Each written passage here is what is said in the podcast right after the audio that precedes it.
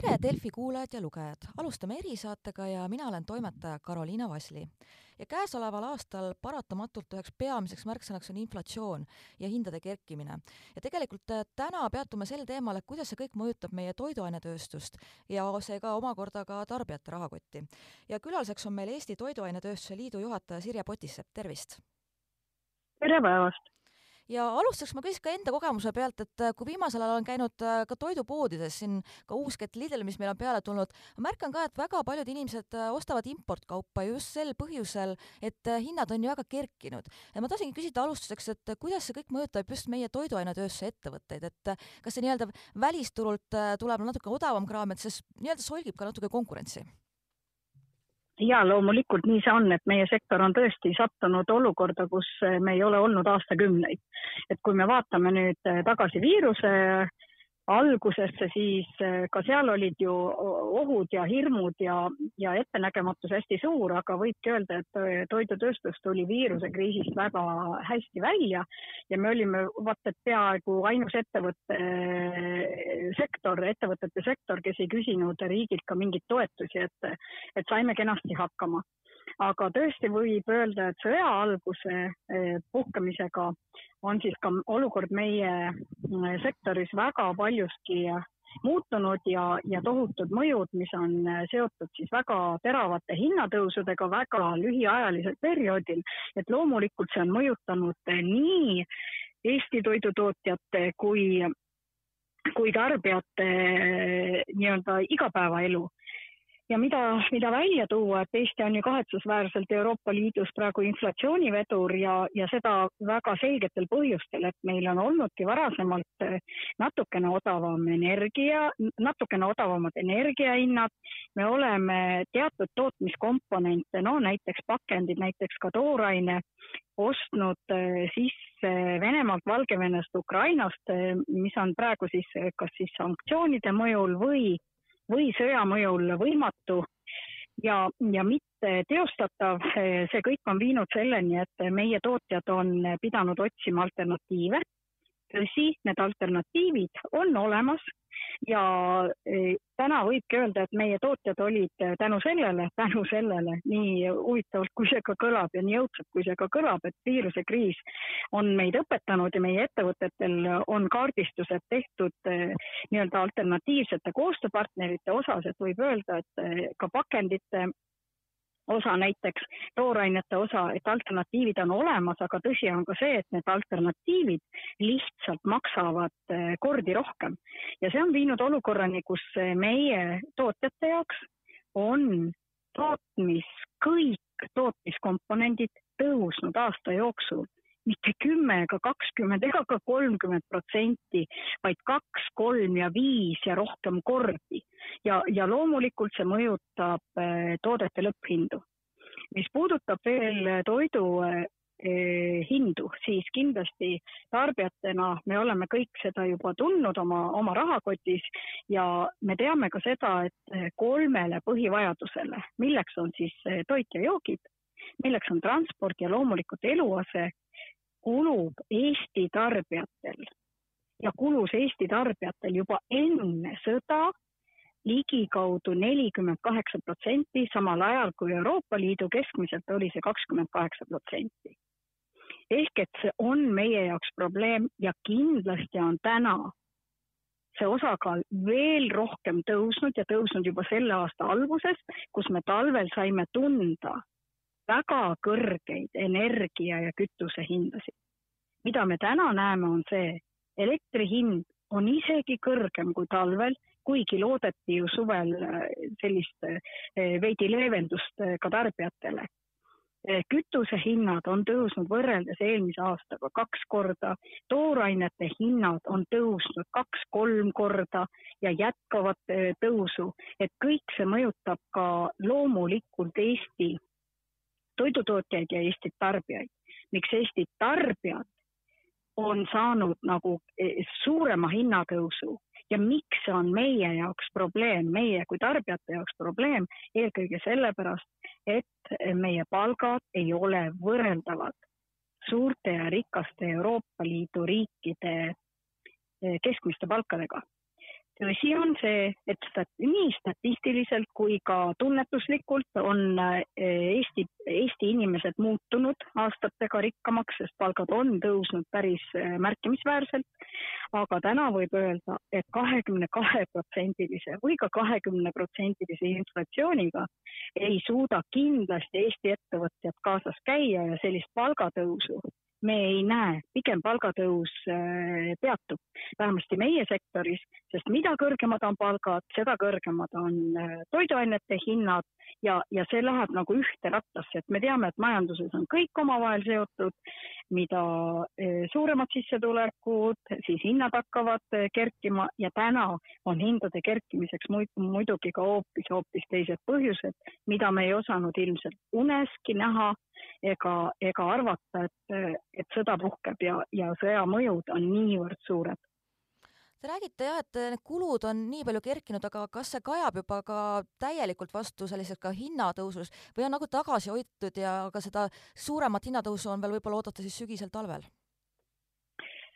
Jah, võib öelda niimoodi, et kas suuremat hinnatõusu, aga on aus öelda eh, Eesti inimestele, et me ei näe kahjuks hindade langusi ja hinda, hinnatõusu peata, peatumist. ja seda jällegi ühel eh, kindlal põhjusel, et praegu võib öelda, et vaadates ka siin, mul ei ole veel teise kvartali statistilisi numbreid, aga esimese kvartali baasil ma võin öelda, et meie sektor on sattunud eh, väga problemaatilisse olukorda, kus meil ei ole õnnestunud ja meie ettevõtetel ei ole õnnestunud viia hinnatõuse lõpphindadesse. see kõlab küll tarbijate jaoks loomulikult sellise noh, võib-olla mitte kõige parema sõnumina, sellepärast et meile kui tarbijatele alati sobib, sobib, kui hinnad on madalamad ja midagi saab osta eh, nii-öelda madalama hinnaga.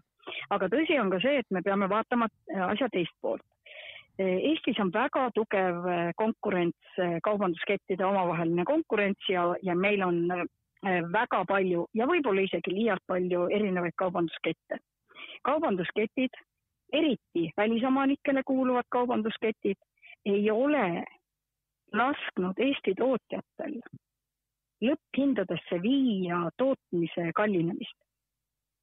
sellepärast, et nad konkureerivad omavahel ja, ja millegipärast kaubandusketid kõik konkureerivad ainult äh, põhimõttel meie pakume odavamat hinda. aga kaupmehed ju ise ei, ei tooda midagi, see odavam hind tuleb ju kellegi arvelt ja see kipub tulema praegu ikkagi tööstuste arvelt. sellepärast, et kui toorainest on turul puudus, siis see annab ka, annab ka põllumajandustootjatele küsida kõrgemat hinda tooraine eest ja tööstustel ei jäägi muud midagi üle, kui, kui ostagi toorainet kõrgema hinna eest, samal ajal ei ole neil võimalik sellises mahus tõsta oma toodete hindu. teine põhjus miks ei ole hinnatõusud jõudnud äh, lõpphindadesse, on see, et me tunnetame ju tarbijate ostujõu ja ostuvõime vähendamist, vähenemist. Ja me praegu juba näeme ka toidusektoris, aga veel mitte midagi katastroofilist, et toiduainete ostmine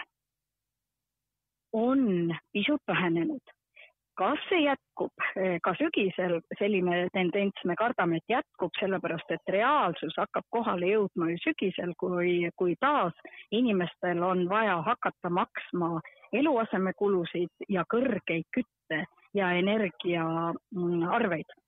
ja loomulikult eh, see omakorda ei tee toiduainete tööstuse ettevõtete elu mitte kergemaks ja võibki täna välja tuua, et eh, näiteks meil on osad sektorid, eh, kus juba toodetakse kahjumiga, näiteks lihad, lihasektor ja lihatoodete tootjad, eh, pagaritoodete tootjad, meil on kala, kalasektor, kes, kes nii-öelda toimetab nulli ja väikese plussi piirimail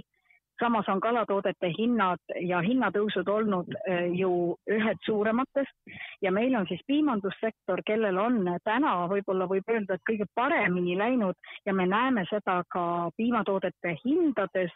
eh, mis on olnud ju tarbijate jaoks hinnatõusud päris eh, märkimisväärsed, aga veel talutavad. kui edasi jätkub hinnatõus, siis ilmselt tarbijad ja olude sunnil tarbijad hakkavad väga valima mida ja kui palju nad üldse osta saavad. Ja siin on kindlasti hästi tähtis roll minu meelest ka riigil, et valitsus on juba deklareerinud, et, et nad taas avavad eh, toetusmeetme eh, eriti vähekindlustatud tarbijatele, keda on ju Eestis, ma ütleksin, et lubamatult palju ligi, ligi kolmkümmend protsenti elab vaesuses või vaesuse piiril et eh, see on paraku meie reaalsus. Ja täna võib öelda ka seda ja välja tuua, et me ei räägi ainult raskustes äh, madala sissetulekuga peredest, aga ka normaalse sissetulekuga perede jaoks on juba hinnatõus olnud äh, problemaatiline ja ka nemad on ilmselt su sunnitud oma tarbimisharjumusi oluliselt muutma. Ja mida see kaasa toob toidutööstustele, seda ilmselt näeme siin sügis-talveperioodil aga teie hinnangul Eesti, Eesti tarbija ikkagi on nagu lojaalne, et eelistatakse kodumaist kaupa, et ei ole seda, et praegu aina enam ka võib-olla, kui vaadatakse, ostetakse kas või kurki või tomatit, et ostetakse seda välismaist, mis on odavam? kindlasti Eesti tarbija on lojaalsem hinges ja südames, kui ta tegelikult rahakotiga seda saab endale lubada. ja võib öelda, et eh, tõepoolest Eesti inimesed loomulikult eelistatakse eestimaist aga samas, kui sa pead valima ja toiduainete puhul sa saad valida, eh, siis eh, ikkagi loeb väga palju eh, toi-, konkreetse toiduaine hind. et sellised ihulisemad tooted, mis puudutab noh, ma ei tea, värsket sealiha, siis piima, pagaritooteid, et selle puhul ikkagi inimestel on hästi tähtis, et need oleksid kodumaised ja, ja neid ka eelistatakse. aga taaskord, kui inimesed peavad väga konkreetselt oma kulutusi äh, jälgima ja vähendama, siis ja importtooteid pakutakse parema hinnaga. Ja pakutakse, miks parema hinnaga, sellepärast et nende jaoks sageli ei ole võib-olla see kulude kasv olnud nii, äh, nii ränk kui siin äh, Balti riikides. Eh, kui põllumajandustoetused põllumajandustootjatele on märksa suuremad kui Eesti toorainetootjatele ehk et põllumeestele, kui käibemaks poodides on, on tõepoolest madalam, siis siis Eestis jah, paraku importtooteid ostetakse, ma ütleksin, et lubamatult palju. Ja viimase turu-uuringu järgi, mida on läbi viinud siis Eesti Konjunktuuri Instituut, oli põhitoiduainete valdkonnas Eesti toodete osakaal kõige suurem kodumaistes kaubanduskettides ja see ulatus viiekümne seitsme protsendini, siis ega tarbija ei saa ju eestimaist isegi osta, kui eestimaist kaubanduskettide sortimendis ei ole. ja selle tõttu jällegi me oleme siin toonud ka alati välja eh, siis välisomanikele kuuluvad kaubandusketid, eriti ka näiteks Lidli turule tulek. Et andke meile võimalus, andke inimesele võimalus valida, et ta teeb oma valiku ise, aga see, et äh, kaubandusketi sortimendis on vaid piiratud arv Eesti tooteid ja me tarbijatega, tarbijatena oleme sellega rahul, siis äh, see on selline situatsioon, mis ei tuleks näiteks Soomes kõne allagi, et Soome tarbijad on väga kindlalt nõudnud oma, oma riigis toodetud eh, kaupade sortimenti ja tõepoolest ka, kui vähegi on võimalik, siis nad ka seda eelistavad. Eesti tarbijad on olnud paraku hinnatundlikud kogu aeg, see hinnatundlikkus ei ole kuhugi kadunud. tõsi, ta on olnud väiksem, kui on olnud nii-öelda paremad ajad ehk et siis näiteks enne viirusekriisi. Ja viirusekriisi ajal ju toiduainete hinnad hoopiski langesid. Aga eh, sõda paraku ja sõja algus on pannud kõiki tooteid, kaasa arvatud Eesti tooteid, hoopis teise situatsiooni. Kui ka rääkidagi sellest praegusest situatsioonist ja minnes vastu sügisele, et ütleme siin ka gaasi puudutav, gaas ja elekter, et kuidas see ka jõuab omakorda toiduainetööstusse ja mõjutab Eestis laiemalt ka, kui rääkida toidujulgeolekust? Tõepoolest, viimasel ajal jällegi energiakandjate kättesaadavuse teema on tulnud eh, laua peale märksa tugevamalt kui siin vaid mõned kuud tagasi. ehk et seesama Euroopa Liidu ühine suund loobuda Vene gaasist, loobuda Vene verisest gaasist on viinud eh, olukorda, kus kõik Euroopa Liidu riigid, kaasa arvatud ka Eesti, hakkavad vaatama, et kust siis gaasi üldse on võimalik saada ja kuidas gaasiga kättesaadavust eh, garanteerida. me oleme väga murelikud oma sektori osas ja me oleme teinud pöördumisi nii MKM-i kui,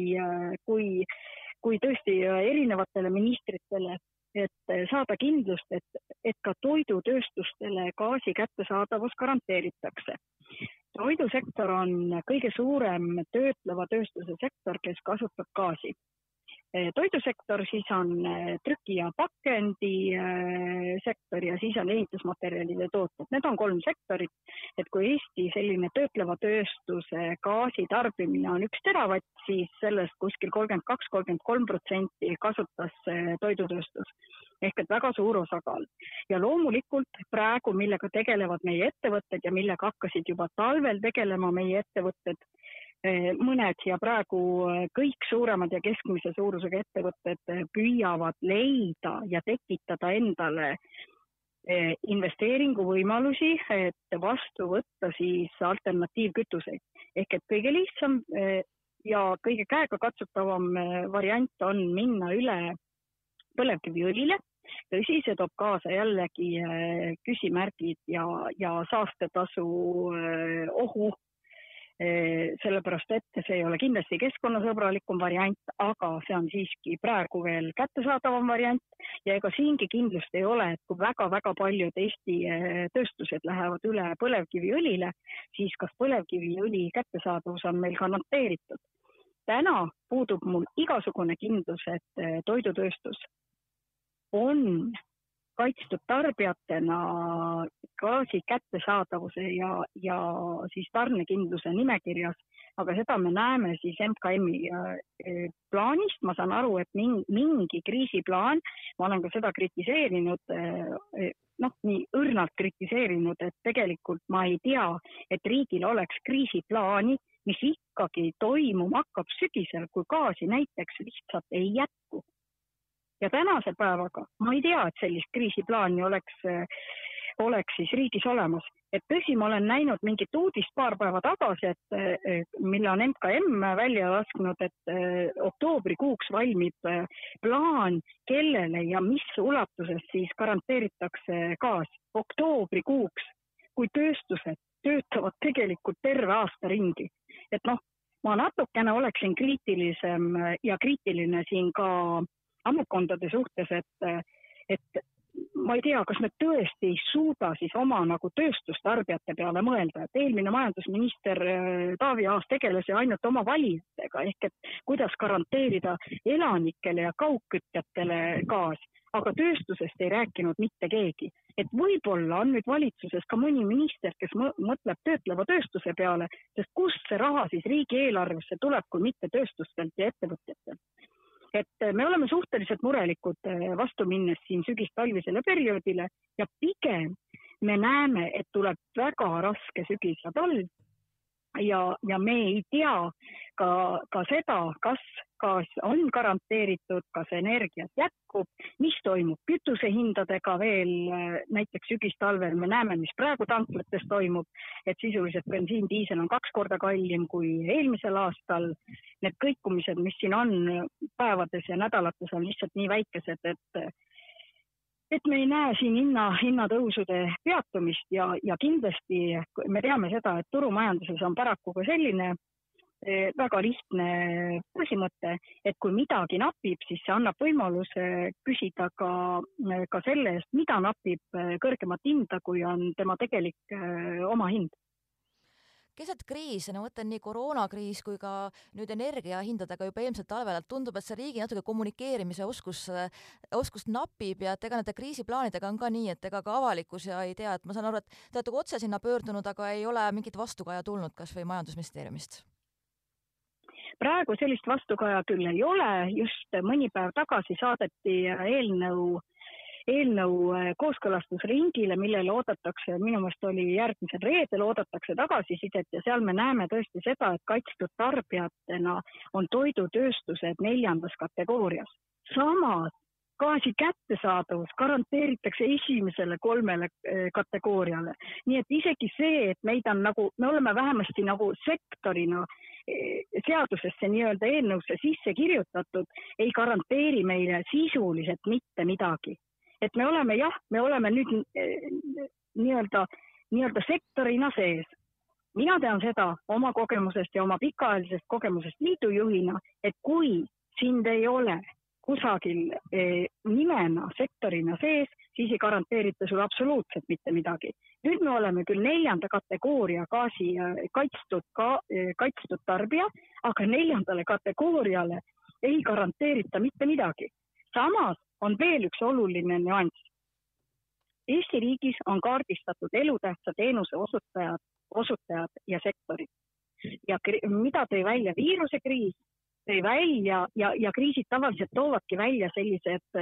ütleme, vajakajäämised ja tegelikult ka sellised täiesti tühjad augud. ja selgus, et toidutootjad ei ole arvatud elutähtsa teenuse osutajate nimekirja. ehk et mitte keegi kunagi ei ole mõelnud, et toidu tootmine on toidujulgeoleku aspektist äärmiselt, äärmiselt tähtis sest kui midagi katastroofilist kusagil juhtub, siis mida teevad riigid? eelkõige riigid vaatavad, et nende oma tarbijad oleks ja nende omadele tarbijatele oleks garanteeritud toit ja jook ja mitte keegi sulle ei anna enne midagi, kui on selgelt nagu ülejäägid. et sellisest solidaarsusest ikkagi tõsises kriidi, kriisis ma arvan, et rääkida ei saagi. et siin ju viirusekriis näitas ka seda, et osad riigid püüdsid kehtestada mingeid importkeelde ja, ja kui on tõsine kriis, siis äh, on ju hoopis teised mängureeglid et nii palju kui vähegi võimalik, loomulikult Euroopa Liidu riigid eh, püüavad olla solidaarsed, aga, aga eh, ega meil ei olegi ju sellist väga tõsist, eh, väga tõsist katastroofi ega kriisi veel olnud. et ikkagi ka viirusekriis on ju, on ju olnud ühel või teisel määral täiesti üleelatav, et tõsi küll, alguses väga hirmutav ja, ja väga raske ma ei kritiseeriks väga isegi mitte valitsust, sest me saame päris hästi aru, et valitsusel on olnud väga raske valitsus on minu meelest eh, ka siin sõjaolukorras väga hästi hakkama saanud. Eh, mis on positiivne veel, et näiteks maaeluminister ja maaeluministeerium on, on praegu just täna oligi kooskõlastamise tähtaeg, saadan ka oma, oma sisendi eelnõule, kus meie ettevõtetel on võimalik taotleda toetust energiavarustuse kindlustamiseks. Ehk et meil on, meie ettevõtetel on võimalik siis eh, taotleda toetust ka näiteks üleminekuks eh, gaasilt eh, teistele kütuseliikidele, et ikkagi oma tootmine ja tootmise jätkumine garanteerida tõsi, seal on äh, väga suur äh, minu meelest puudujääk see, et, et kahjuks Euroopa Liidu reeglistik ei, ei anna võimalusi suurtele ettevõtetele sellistele toetusmeetmetele ligi pääseda, kes on tegelikult toidujulgeoleku ja toiduga kindlustamise osas jällegi kõige tähtsamad.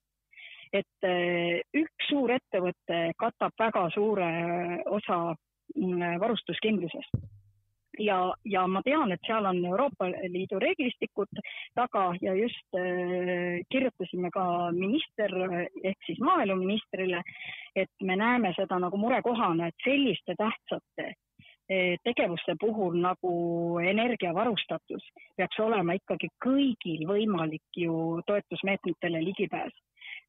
vastab tõele, et see toetusmeetme summa, mis on neliteist miljonit, ei kata ära absoluutselt meie sektori, ma arvan, et mingi ühte kolmandikugi vajadusest, aga ikkagi äh, see näitab nagu head tahet, et, et ettevõtteid tahetakse aidata, ettevõtteid tahetakse motiveerida minemaks üle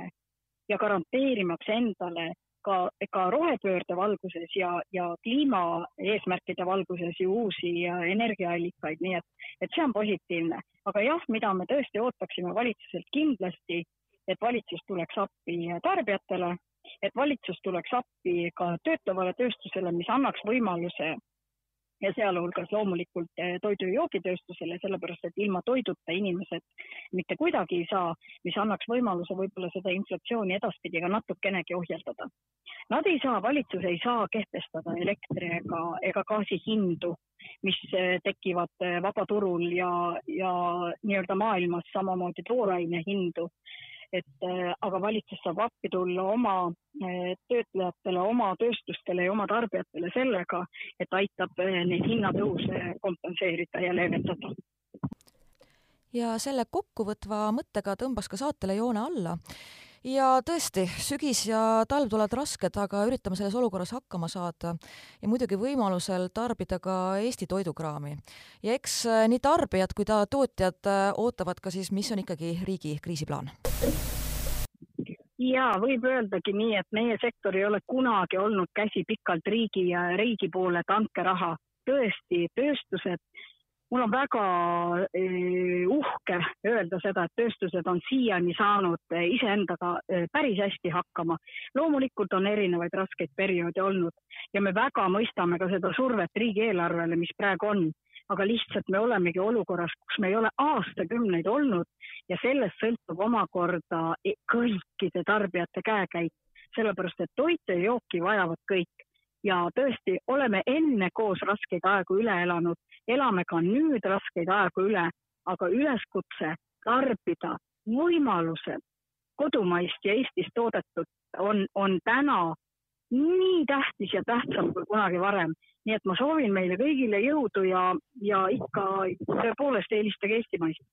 suur aitäh aega leidmast ja kuulajatele kuulamast